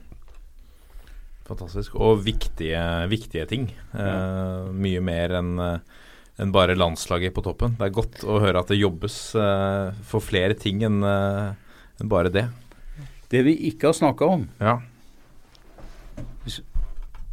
Ja, vi kan fortsatt uh, Vi har fortsatt tid. Nei, altså Har du tid, det er spørsmålet. Nei, ja, jeg skal bare nevne én ting for deg. Ja. Eh, eller dere. Unnskyld. I 1991-92 ble Sovjet oppløst. Da fikk vi ti nye stater til Europa som ble Mm. selvstendige, og fem gikk til Asia. Alle stanene gikk til Mm. Asia, ikke sant? Og da sa sjefen min, Lennart Johansson, her må vi lage et hjelpeprogram. Og det skal du lede, sa han. Og så pekte han på meg. Så det gjorde jeg i ti år. Eh, rundt om i østblokken. Eh, av styret da, og så hadde vi fem-seks mann på heltid. Som hjalp landene med å bygge kontor og utdanning og budsjett og regnskap og hele pakka. Utrolig givende. Men, men erfaringen fra det, det var jo blant annet eh, at det å få til frivillighet i de landene var veldig vanskelig. Mm. Så da kan du si jeg lærte mer og mer å sette pris på det som vi har av dugnad og frivillighet her hjemme. Det der må vi aldri gi slipp på i alle proffdiskusjoner. Hva vi måtte. Hvis vi mister grep om foreldrene og frivilligheten, og alle skal ha betalt for alt, så går det sånn. Dette landet bygger vi også, også i fotballsammenheng på at folk gjør en frivillig jobb. Jeg er opptatt av og interessert i, i det. Mm. Jeg har bare lyst til å ha med det. Ja. Det er uh, viktige ting, kombinert med kvalifiserte trenere i uh, utvikling av barn og unge også. Men jeg, når jeg sitter og hører her på alt som du har gjort, Per, så tenker jeg ja, vi kan si mye om Uefa og Fifa og NFF og sånne ting, Mm. men det fotballen gjør for folk, ikke bare i Norge, men i hele verden, hva fotballen betyr for en fireåring eh, i eh, Aman, ikke sant, altså eh, for en flyktning, for hvem som helst. Altså, fotballen er så viktig for så mange, og det er så bra å se at fotballen også er sitt ansvar bevisst, da, Mm. og gjør disse, alle disse gode tingene også. 1997 så var jeg i Vietnam for første gang. Mm. Så ble jeg møtt av ambassadøren. Og så, så Han var en veldig hyggelig kar. Eh, Hatt kontakt med han siden nå, forresten. Men, men Og så sier jeg jeg har ikke noe greie på fotball. Sånn. Men jeg har skjønt litt Han, han skulle ansette eh, sjåfører i ambassaden. Så han har hatt ti gutter mellom vietnamesere mellom 20 og 30 år inne på intervju. Og så hadde de så hadde han spurt hva vet du om Norge. Og seks av ti svarte Ole Gunnar Solskjær. Ja, vet du noe mer? Nei. sånn er det. Nå kommer pulsen. Og da er vi kommet til eh, pulsen, mine herrer. Det var et eh, fantastisk eh, besøk. En, en herlig gjest i Per Ravn Omdal. Uh, han skulle videre i et, uh, i et møte. Mon tro om han skulle gå rundt Sognsvann med, med Arne Skei og Drillo. Ikke utenkelig. Nei. Han var jo ikke kledd for, eh, for tur i skog og mark akkurat nå. Ja, Kanskje han går eh, tur i blazer og finsko? Ja, det kan hende. I regnvær. Sikkert et uh, møte med noe som gjør at fotballen uh, blir bedre. Det er helt overbevist om. Enda litt bedre og enda litt finere for enda flere. Ja, det er bra. Vi uh, rakk ikke ta rating i stad, Lasse. Vi har fått én. Vi har fått en eh, som har overskriften 'Balsam for øret'. Er det skryt? Det ser sånn ut, for det er fem stjerner. Fra E EFT3. Kan det være Eidsvoll-turen fotball? Det er forkortelsen for dem. så- Det er jo det. Så kanskje det er noen fra mitt nærområde. Toppfotball er gøy, men bredde er best. Og i denne podden klarer dere å snakke godt og lenge om begge deler. Herlig. Takk. Perfekt eh, rating etter dagens uh, gjest, da som Ja. både har snakket om bredt og, og topp. Ja, helt klart. Og slått et slag for begge to. Skal vi snakke mest uh, ja, Vi skal vel litt innom både bredde og topp utover uh, Vi- resten av sendinga, skal vi ikke? Vi skal det. Vi må, vi må innom uh, ja, om det er topp eller om det er bunn. Det er vel øyet som ser. Men eh, landslaget vårt eh, Altså, eh, jeg, for å være helt ærlig, jeg er ikke sikker på om jeg orker å snakke så mye om det. Nei, eh, det kan du si. Jeg hadde Etter fredagen, Mm. da vi slo Aserbajdsjan Nå kan du godt si at Norge skal slå Aserbajdsjan på hjemmebane 99 av 100 ganger. Men sånn som landslaget har oppført seg de siste årene, så er ikke det en gitt greie. Så fikk vi en 2-0-seier. Ok, et, uh, en straffeskåring og et selvmål, men allikevel Det ga meg lite grann trua på uh, landslaget igjen. Gjorde det? Ja, jeg fikk liksom litt den der gode følelsen igjen. Jeg hadde litt god følelse før kampen. Jeg gleda meg liksom til, uh, til oppgjøret. Og så kommer da dette greiene i Tyskland, altså, Jørgen. Jeg, jeg, Ja, nei, jeg er helt enig med deg. Det, altså, mot uh, Aserbajdsjan så så det i hvert fall ut som vi hadde en plan for hva vi hadde lyst til å gjøre på den fotballbanen. Ja, Vi visste hva vi møtte, og vi la opp en plan mot det. Men som du sier, altså de Tyskland-greiene Jeg må innrømme at uh, selv som relativt fotballinteressert og veldig glad i landslaget, så var det litt seigt å føle at man nesten måtte se de siste 70 minuttene der. Det, det var litt sånn selvpining eh, mer enn glede. Det var det definitivt. Nei, helt enig. Og det er, altså, jeg syns jo Kjetil Rekdal oppsummerte det ganske greit på den ene skåringa, hvor, hvor hans eneste kommentar var 'Dette er flaut'. Og det, det, var jo, altså det er jo det, Uansett om du møter Tyskland, så er det flaut å tape 6-0, og på den måten. Og det virka ikke som Tyskland egentlig gjorde uh, alt heller. Altså Det var en periode hvor de bare det virka som de bare slappa av. Hadde de gitt full gass i 90 minutter, så hadde det her blitt mye styggere. Ja. Og det er jo litt sånn at man kan jo synes om hva vi mangler, og det er klart at Tyskland er et bedre lag og bla, bla, bla, alt det her som vi har vært innom, men det, ser altså, det var ingen nesten som var liksom synlig forbanna over å få bank, da.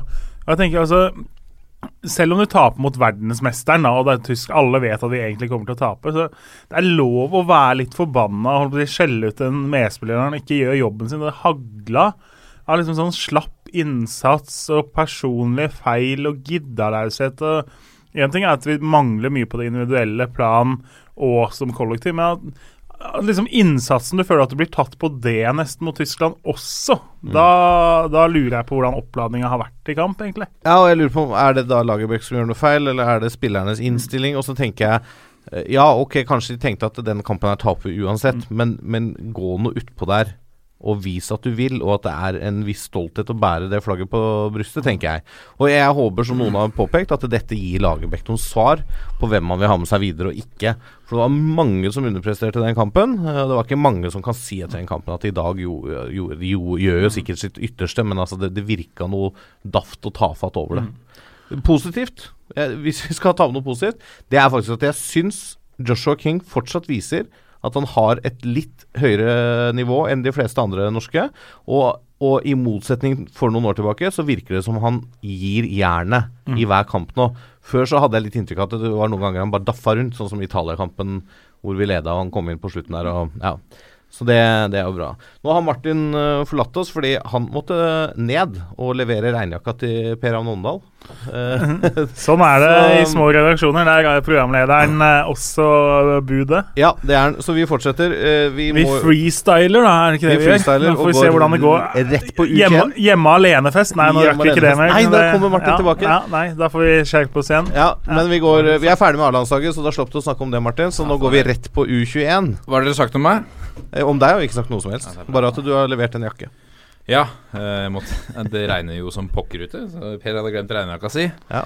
Den måtte den få. Eh, skal vi gå videre da til årets trøn, eller? Nei, vi, er, vi har ikke vært innom U21 ennå. Ok, vi går rett på U21. Vi er ferdig med A-landslaget.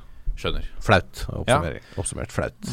Uh, så lager vi utgangspunktet slo 5-0, tapte vi nå 3-2 mot. Eh, Er det ok?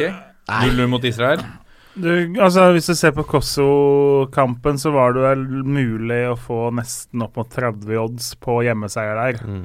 Eh, og når du da leder 2-0 eh, nesten halvveis, så var vel oddsen eh, like høy som den oddsen du får på at fredag kommer etter onsdag, på en måte. Det, eh, det var en merkelig fotballkamp, for det, i 40 minutter så så det Det var ikke briljante, men det var liksom det du kan forvente på bortebane. Da vi styrte og hadde grei kontroll, og Ødegaard fikk showa litt. Og så bare eh, så det ut som det var en annen gjeng som kom på banen. Plutselig så slapp vi inn to mål på eh, litt over ett minutt. Og så annen omgang ble bare kokos. Mm. Så det, det er merkelig. Og mot Israel da i går, så det, det var tannløst og litt småslapt og ja, litt ikke Altså, det ble ikke 0-6, så du kan ikke si det samme som uh, A-landslaget mot Tyskland, men det var liksom uh, Det var ikke noen kamp du husker mer enn to minutter etter kampslutt. Nei, og det virker litt på meg som når de tapte mot uh, Kosovo, da var den siste lille muligheten til å nå denne playoff-plassen borte. For du, da måtte du ha slått Kosovo etter det og Mm. blitt fradømt seieren i forrige kamp. Og så måtte du slå Israel igjen. Og da virker liksom som da gikk piffen litt ut av det, det er i hvert fall sånn det ser ut som, da. Når de ikke klarte å slå Kosovo, da er det egentlig ikke noe å spille for resultatmessig lenger. Og da det, klarte de ikke å yte nok til å ta en seier, da. Nei. Og gi, i hvert fall uh, gi det en liten opptur i slutten av en uh, Ja, som dessverre ble en, til slutt en veldig tung landslagsuke. Ja. Det ble Uff. Ja. Ja. Eh, la oss bare gå videre. Vi går er- videre. Det er greit. Eh, vi har fått en eh, mail med et uh, brennhett tips om at Aurskog Hølands eh, spiss Lars Erik Svardal nå har runda 100 skåringer. Eh, det skjedde i 10-0-seieren mot Lørenskog 2 i fjerdedivisjon uh, nå i helga, tror jeg. Og så har eh, Han har altså skåra 100 mål på 109 kamper. I, eh, I tillegg eh, så skriver vel lokalavisa at vi kan legge på nesten like mange målgivende. Det er eh, eh, hva, hva skal vi si, uh, Kjernas? Er, er det en breddelegende vi står overfor her? Det er det jo definitivt. Eh, og det som jo ikke kommer med vel i denne statistikken, er jo at han for Høland har bøtta inn mål i en årrekke i lavere divisjoner før dette. Ja. Eh, for det er jo litt eh, Selv jeg som bor i nabokommunen, eh, det er lett å gå litt sur i sammenslåinger og når laga har vært aleine og sånn i Aurskog og Høland. Mm. Eh, men han har jo vært enormt stabil. Eh, I år så er ifølge fotball.no statistikken hans 19 mål på 19 kamper. I fjor spilte de i tredjedivisjon. Da ble det 25 mål på 25 kamper. Året før 25 mål på 25 kamper. Så altså- Altså, som, Hvis du går tilbake på en måte til han spilte spilt for Høland og sånn nå, så er det jo langt, langt over 100, og det er vel sikkert eh, mye mer han kan plusse på den statistikken, da. Men eh, uansett nesten hvilket nivå du spiller på, og fjerdedivisjon er tross alt såpass anstendig at når du skårer ett mål per kamp, uh, da er det bare å finne fram uh, superlativene. Og når du gjør det over mange år, så meget imponerende. Og nå gikk han forbi Markus Kaasa, som vel er Er det sønnen til Kjell Roar? Det er sønnen til Kjell Roar. Og han Vi har vel en annen sak her òg, som er fra samme fjerdedivisjonsavdeling. Den fjerdedivisjonsavdelinga får god dekning Den får god dekning, den gjør absolutt det. For da kan vi vel eh, hoppe elegant over til Gjelleråsen Kløfta. Eh, Kåsa spiller jo for Gjelleråsen og er spiss der, men eh, kunne ikke spille kampen da mot Kløfta, som er eh, sammen med Aurskog Høland eh, et av to lag som kan ta igjen Gjelleråsen da og snyte dem for opprykket. Uh, Kløfta har vært eh, sånn middelavsvaret i mange år. Eh, Henta Steffen Nystrøm fra Han var vel sist i Fredrikstad før eh, denne sesongen. Uh, kjent som en hurtig angrepsspiller. I, I Kløfta så har han spilt mye også dypt på midtbanen. Liksom Han har skjønt at her får du en spiller som er mye bedre enn alle andre, så da må vi bruke den der hvor vi får best mulig bruk for den. da. Eh, og det oppgjøret var, var vel vi invitert til uten at vi hadde mulighet til å stille. Eh, men eh, Steffen Nystrøm han skårte tre mål for Kløfta. To av dem eh, like før slutt. Da, altså, Gjelleråsen gikk opp i 2-1 eh, med vel ti minutter igjen. Så skårte Nystrøm til 2-2 rett etter, før samme Nystrøm satte inn et frispark, omtrent siste spark på ballen. Eh, så her har vi Det var 250 tilskuere anslått, og det ble røde kort og krangling. og Det var et skikkelig deilig breddefotballoppgjør, som i tillegg sørga for at eh, det blir spenning om opprykket i noen uker til. Ja, det var et, eh, et godt tips fra Erland Nørstebø. eh, og, og takk for invitasjonen. Vi får komme tilbake en annen gang og nyte lokale vafler. Det må vi, og så må vi vel altså utover høsten, nå begynner det jo å tette seg til. og Det nærmer seg jo sesongslutt, så eh, håper når ungen har kommet ut og jeg har kommet meg tilbake hit igjen og fått Ja. lov til det, så må vi ta en ordentlig gjennomgang av status i tredje og fjerde divisjon, tenker jeg. Det må vi. Det må vi. Um, og denne videoen fra matchen skal vi, skal vi satse på å få, få lagt ut på, på Facebook, sånn at flere får med seg begivenhetene som uh, utspilte seg da Gjelleråsen og Kløfta møtte sitt oppoppgjør. 250 tilskuere. Det er bra i fjerdedivisjon. Ja, det er bra. Det er flere enn det er på. Lyslund og Ørn eh, spiller i tredje. Dette er toppfotball. Så skal vi veldig kjapt eh, Det står en podkast, det er Pyro Pivo, tror jeg, med Morten Nei, Gallosen. det er, nei, det er fotballuka med Jim Fossheim Fosheim. Med Jim Fosheim som står og, Og skraper på døra. Ja, de får bare skrape. Ja, Uh, Vi må kjapt eh, gå gjennom neste eliteserierunde, og vi begynner med Brann, Sogndal, Vangstein. Ja, for det er jo endelig så er det eliteserierunde igjen. Og Yes. har det jo vært så lenge siden sist med litt uh, cup og greier. Ja. Brann Sogndal. uh, her er det jo to lag som begge kommer fra med hver sin seier da i forrige serierunde, før cup- og landslagspausen. Og Sogndal slo Kristiansund 2-0 hjemme, og eh, endte med det en sånn fire kampers rekke uten seier. Og Brann fortsatte den gode eh, trenden etter en liten form, formdupp i sommer, eh, med 4-2 borte mot Viking. Nå skal det sies at uh, Brann har også lagt inn et tap i cupen imellom der, da. Men uh, Brann står nå med tre kamper uten tap i serien. Eh, sånn historisk sett så um, er det forholdsvis jevnt. 16-7-13 og målforskjell 62-48 fordel Brann. Men på Brann stadion derimot, hvor denne kampen spilles, så er sliter Sogndal voldsomt. 13-3-2 og 41-15 i målforskjell er status. Det skal sies at en av disse seierne til Sogndal, en av disse to, var 4-0-seieren i førstedivisjon i 2015. Ja. Eh, da, da var det mørkt i Bergen, for å si det sånn. det er sant. Men vi kan vel si at uh, Det kjennes lenge siden nå. Ja, det gjør det. Uh, Brann er storfavoritt i denne kampen, uh, og de har kun tapt én kamp på eget gress i år. Uh, Sogndal er jo egentlig et kunstgresslag. Og altså Brann har 6-3-1 hjemme, og Sogndal har tilsvarende holdt jeg på å si 1-3-6 borte i år. Eh, ingen karantener. Tror Brann tar den her. Vi, eh, hva tror du om Kristiansund-Tromsø, Kjernas? Det er Nei, det er jo eh, på en måte Det er jo et av de mindre gla glamorøse oppgjørene vi har denne uka her. Men eh, kanskje også det viktigste, vil jeg si. Fordi her har vi jo lag som ligger på kvalikplass i Kristiansund, mot Tromsø som ligger på plassen bak.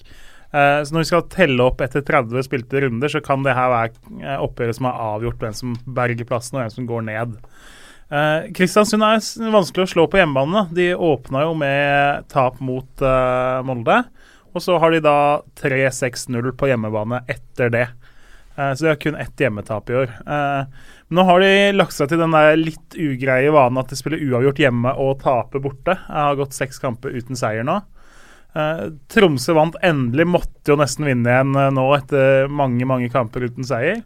Fikk den da før landslagspausen, sånn at de har kontakt. Og de har jo også en kamp til gode, eh, som jo blir spilt en eller annen gang, med tanke på at eh, NFF har drevet og flytta kamper litt i øst og vest uten å tenke på belastning og sånn. Så eh, det blir en spennende kamp. Det blir en jevn kamp. 1-1 er vel et eh, så feigt tips som du får det her, kanskje. 1-1, ja. Det var ganske konkret. Det var veldig konkret, det. Ja, Skal du ha målskårer om minutt òg, så blir det Nei. Du er oddskongen, så det hadde vært eh, gøy å få et eh, godt tips, Kjernos. Kjernas. Men det er vel ikke akkurat det du pleier å tippe på, eller? Nei, det, altså, det blir jo Bingo spiller ikke så mye, for å si det sånn. Eh, vi skal til Haugesund og Lillestrøm. Haugesund som uh, sliter med uh, Pallesen Knutsen eh, suspendert, eh, så de må fylle det rommet i, eh, i midtforsvaret.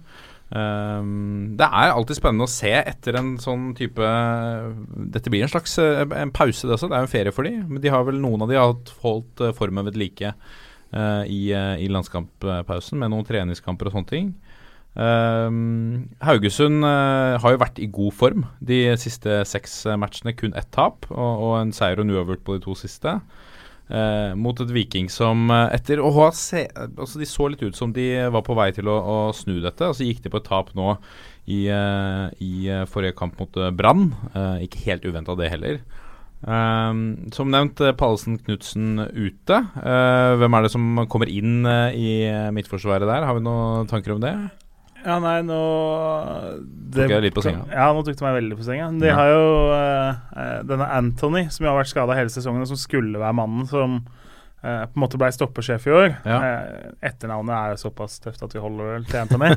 uh, han spilte rekruttkamp nå, var altså første minuttene sine på banen, så kanskje Men de har jo også en uh, Tore Arne Andreassen som er flytta litt rundt, men også har sine skadeplager. Så de eh, De har jo vært litt tynne. De har i tillegg solgt Haris uh, Radinovic nå, uh, som jo ble mer urokråke enn eh, Kanskje har kvitta seg med et problem? ja, det har jo virka ganske lett å avsløre at han kanskje ikke har vært den som har passa best inn eh, i klubbens eh, regler og innfunnet seg til dem. Nei. Eh, avfunnet. Søren. Ja. Det noe jeg Samme, så jeg- uff. Vi går videre på den, vi, Eh, uff, ja, vi dropper den. Kan ikke bare gå til Ålesund sånn- Stabæk, da? Ålesund gjør det. Stabæk, eh, Kjernas. Prøv deg på denne isteden. Skal vi prøve oss på Ålesund Stabæk? Det får vi gjøre. Uh, tenker The Great oppgjør of Frank Boli, eller er det litt å ta i der? Uh, han er jo akkurat tilbake fra skade, kom jo fra Ålesund til Stabæk uh, for sesongen og skulle være på en måte mannen som slo gjennom der. Og så ble var jo han skada, sånn at Ohi har blitt den store mannen for Stabæk. At Stabæk beholdt nettopp Ohi, er vel kanskje en av overgangsvinduets viktigste ikke signeringer, men eh, Hendelser? hendelser på overgangsmarkedet. da. Eh, det er jo en kamp mellom to lag som er fryktelig vanskelig å spå, syns jeg. Fordi Stabæk har vi snakka om, de er veldig varierende. Eh, Tony Brochmann har vært ute med noe sånn litt sånn eh, mistanke om noe hjertetrøbbel. Som vel, eh, sånn jeg skjønner, Han har vel fått tommel opp for at det ikke var, var Ja, han spilte jo kampen etter, Ja. og da kom han inn som innbytter, så han er jo på en måte Ja da, i gang igjen. Ja da. Eh, Ålesund på hjemmebane, det er jo ikke det enkleste du kan møte, men det er litt sånn eh, Begge laga her er litt for langt unna medalje. De er ikke helt nede i nedrykksstriden. Jeg tenker at det blir en kamp som kan bli litt prega av det at de liksom ikke er dødsalvor for noen av laga. Så jeg tror på et målrikt og litt artig oppgjør. Ja. Eh, og så, Vangstein, eh, en kamp du virkelig gleder deg til. Du gleder deg stort sett alltid til Vålerenga-kampen, men kanskje det er litt spesielt. Nei, det er, jeg, det er en del ganger jeg ikke gleder meg til okay, Vålerenga-kamper. Du gruer deg stort sett alltid til Vålerenga-kamper, men denne kampen gleder du deg til. Vålerenga-Sarpsborg, dette er jo selvfølgelig en veldig veldig spesiell kamp, for nå skal Vålerenga endelig hjem, kan vi vel si. I Egen stadion, det er offisiell åpning. Sarpsborg er eh, motstander som de historisk sett veldig ofte er i ja, historiske kamper. 50-årsjubileet i 1963. Vålerenga-Sarpsborg 5-0. 100-årsjubileet til Vålerenga i 2013. Vålerenga-Sarpsborg 08 5-3. Eh, og nå da selvfølgelig åpning av ny stadion. Er jo litt spennende å se, da. Får Vålerenga en opptur med å komme hjem? Eh, eller blir, det, blir anledningen for stor, slik at Sarpsborg blir en real festbrems? Eh, den er, er jo jeg litt grann, eh, spent på, for å si det sånn. Eh, historisk sett så har jo Vålerenga aldri tapt eh, mot Sarpsborg eh, på hjemmebane. 4-1-0. Eh, og eh, Altså Nå tenker jeg da sammenslåingsklubben Sarpsborg 08, da, selvfølgelig. Eh, Vålerenga har jo ikke vunnet på fem seriekamper nå på rad. Fikk jo selvfølgelig en opptur med kvartfinalecupen borte mot Rosenborg. Eh, Sarpsborg på sin side har jo da ikke tapt på syv seriekamper, men fem av disse kampene har endt uavgjort. Eh, og de vant jo også sin kvartfinale da med 2-1 borte mot Mjøndalen. Vålerenga uten karantener. Sarpsborg har Kristoffer Sakariassen ute med tre gule kort. Om alt om fotball.no sin statistikk stemmer, og det tar jeg for gitt. Eller så er det er noen spenningspunkter her, mener jeg. Det er jo da eh, selvfølgelig å se Krepen Diata. Mm. jeg er veldig spent på han. Alltid, spennende. Eh, For Vålerenga-supporterne så blir det spennende å se hvordan Deila løser tapet av Gya Sahid, Mm. som har eh, gått til um, utlendighet og Champions League-fotball. Uh, er Moa frisk og klar for spill igjen? Er, har Fiti Masemi endelig kvittet seg med matforgiftningen? Hva med Daniel Fredheim Holm? Og så er det litt synd for Vålerenga. Det går altså Bård Finne fikk seg en smell i rekruttkampen mot Nybergsund på mandag. Forlot uh, området med krykker, så det blir spennende å se om han eh, er klar. Han er jo usikker. Så mange spørsmål i angrepsrekka til Vålerenga, men det blir en fest. Vålerenga Ja, får egen stadion. Uansett, la oss Ja. håpe de får en scoring, iallfall. Ja, og de vinner, da. Ja. Uh, gå på en generalsmell jeg, når jeg omtalte Haugesund som at de møtte Viking. Det er jo helt feil. De møter Lillestrøm. Uh, men men uh, Sandefjord skal ta imot Viking. Og Sandefjord har Demba Bindia suspendert, i tillegg til Rodriges.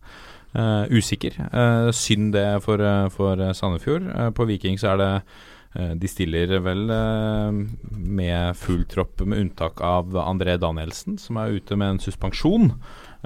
Og Viking Dette er jo en av de kampene som Viking altså, bør plukke poeng i. De må jo begynne å ta poeng, og, og Sandefjord borte er vel en av de kampene som de bør ha en mulighet for å, for å hente noe fra, Kjernås. Det skal jo være noe av det mer overkommelige de har igjen, selv om Sandefjord jo har overraska oss alle. Eh, så er det klart at tabellen blir litt sånn glemt eh, nå, på en måte. Det har, er du eh, Erfaringa viser jo ofte at de her lagene som ligger litt sjette, sjuende, åttende, niendeplass, ofte taper for bunnlaga eh, i den fasen her av sesongen, nettopp fordi at bunnlagene vet at de må vinne. Evner å få ut de få prosentene ekstra som kan vippe kampene deres favør. Eh, men det er klart at Viking, det, det blir veldig spennende. De har jo henta en haug av spillere, så er det mange av dem som ikke har debutert ennå. De har ikke vært kampklare osv.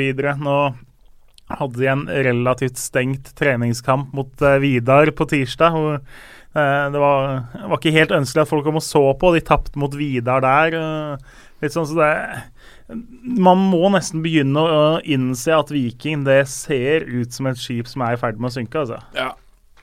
Det gjør dessverre det. Uh, Vi, Vikingskipet er i ferd med å synke. Kan vel nesten da. Bra overskrift, altså. Ikke sant? Eller, det er Eh, jo ikke bra, men ja. Den er helt ok. Uh, Strømsgodset Rosenborg. Ja. Hva tenker vi om eh, matchen? Altså, er Rosenborg litt sånn på halv maskin nå? Det er fokus på Europaliga. Uh, altså, vi vet jo at statistisk sett så kommer det til et punkt hvor de kanskje ikke er mette, men hvor man ser at uh, ligaen er i boks i utgangspunktet. Vi nærmer oss vel det punktet. Ja, vi, på mange måter gjør vi kanskje det, men altså uh, Dette er jo en kamp som kanskje er sånn egentlig forventet mellom to topplag, så har jo Godset slitt litt i år. Og, Men de fikk jo litt sving på sakene før ferien. Altså De hadde vel ikke ønska seg landslagspause akkurat nå. Eh, de har jo fem kamper nå uten, um, uten tap, eh, og tre seier i den perioden. Um, og så er det Jeg syns dette er en vanskelig kamp å spå. Altså, Rosenborg mista Matti Williamson nå. eh, med, med skade i en treningskamp mot uh, Strindheim, var det? Mot Strindheim, ja. Eh, og det Altså, nå har ikke han starta hver kamp, men nå begynner det å bli tynt på topp for Rosenborg, da. Uh, de kan jo dytte inn Adegbenro på spissplass hvis Bentner er ute, og så har de fortsatt gode kantspillere og sånn, men uh, Godset på sin side, de mangler jo stoppeparet sitt til den kampen her. Både Kim André Madsen og Jakob Glesnes soner karantene. Nå hadde vel Madsen stått over uansett pga. en operasjon, men uh, Godset har en jobb å gjøre der, må på en måte tette hullene i midtforsvaret. Eh, så jeg har Rosenborg som en liten favoritt i den kampen her, altså. Å, Rosenborg-favoritt i Eliteserien? Ja, høy. Nei, men altså Isolert sett på uh, Sorry, det var ikke meninga. Ja, men altså Rosenborg har ikke slått Godset i Drammen siden 2009. Nei, det er sant. De har bra tak på de Ja, hjemme på Marienlyst. De har det, men nå så tror jeg kanskje Godset Nei, Rosenborg tar det fordi uh, Godset mangler da disse to stopperne sine, blant annet. Vi må runde av, men aller først så må vi gå gjennom Molde-Odd eh, Kjernås. Eh, hva tror du om det? Det også er en, en toppkamp. Eh, Ja, det er jo Uforutsigbare odds. Altså, da folk eh, skulle sette opp tabelltipsa sine i år, så var det vel veldig mye Molde og Odd på annen- og tredjeplass. Eh, litt forskjellig rekkefølge på de to, men eh, det var de to lagene som var regna for å være de to utfordrerne til eh, Rosenborg. Selv om noen av oss jo hadde tro på Sarpsborg, så Det er jo to lag vi kan si at har skuffa, selv om Molde i det høyeste grad nå ennå er i medaljekampen, og jeg tror de tar medalje. Eh, at de ligger et hav av poeng bak Rosenborg. Eh, det er ikke godt nok i Molde, det, altså. Med det mannskapet de har. Nå eh, er det jo litt sånn Vi sa at Ohi ble i Stabæk. De, eh, Molde fikk beholde Bjørn Bergman Sigurdarsson nå, som eh, var veldig ønska i Russland. De spilte vel en kamp her, og så var det noe privatfly fra, som skulle til Moskva rett etter kamp, eh, og sånn, så da var det noen Molde-supportere som frykta det verste. Men eh, eh, Odd òg Vi har vel snakka en del om Odd og kunne snakka mye mer om Odd. Det, De skårer ikke mål. De skårer ikke mål, og det Skal man si det veldig tabloid, så kan du jo si at Odd er avslørt.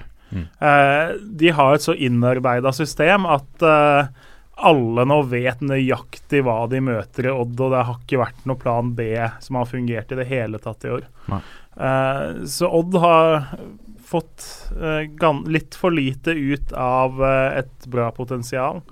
Når vi snakker om kampen jeg, som sagt, jeg sitter og venter på Molde ennå. Nå har de hentet, fått Mathias Nordmann, han begynner å bli kampklar. Martin Ellingsen eh, skårte målet da de slo ut Kristiansund i NM. Eh, jeg mener at Molde er en ganske grei favoritt i den kampen her, selv om Odd burde vært nærmere og gjort det jevnere. Og bra ramme rundt kampen, kanskje. Man har gått et par uker og ventet på hjemmekamp i, i eh, Molde. Bør eh, ligge til Ja, rette for har, for eh, vi- har, har vi jo tilbake denne mandagskampen. Der. Er ikke kampen på mandag? Jo. Ja, så det, Den har det jo vært mye diskutert rundt de siste årene, om vi skal ha kamp mandag eller fredag eller ikke. eller Uansett, fredag, mandag, lørdag, søndag, kom dere på kamp. Mm. Om det er Eliteserie, Obos, andre eller tredjedivisjon. Dra ut, se fotball, kos dere. Gjør det. Spis vafler. Jeg skal ta med en, eh, en kunngjøring på tampen her. I eh, morgen så eh, hoster Toppfotballquizen, som Altså er på torsdag? Eh, I morgen torsdag. Ja, unnskyld. Torsdag. Ja, det er viktig å få med. Uh, den er klokken syv på pokalen uh, i, pokalen, i Oslo. Eh, der får vi besøk av uh, Tom Nordli, en fotballquiz som ikke bare blir om norsk fotball, men norsk og internasjonal fotball. Begynner klokken syv. Det er gratis inngang. Uh, hiv dere med. Og neste gang kanskje vi skal kjøre en enda mer norsk fotballquiz. Vi får se, gutta. Vi er Toppfotball på Facebook, Twitter og Instagram. Send oss en mail på toppfotball at 451.no. Det vil vi gjerne ha. Og så avslutter vi som vi pleier å gjøre. 1, 2, 3. Vi er i gjeng. Ha det!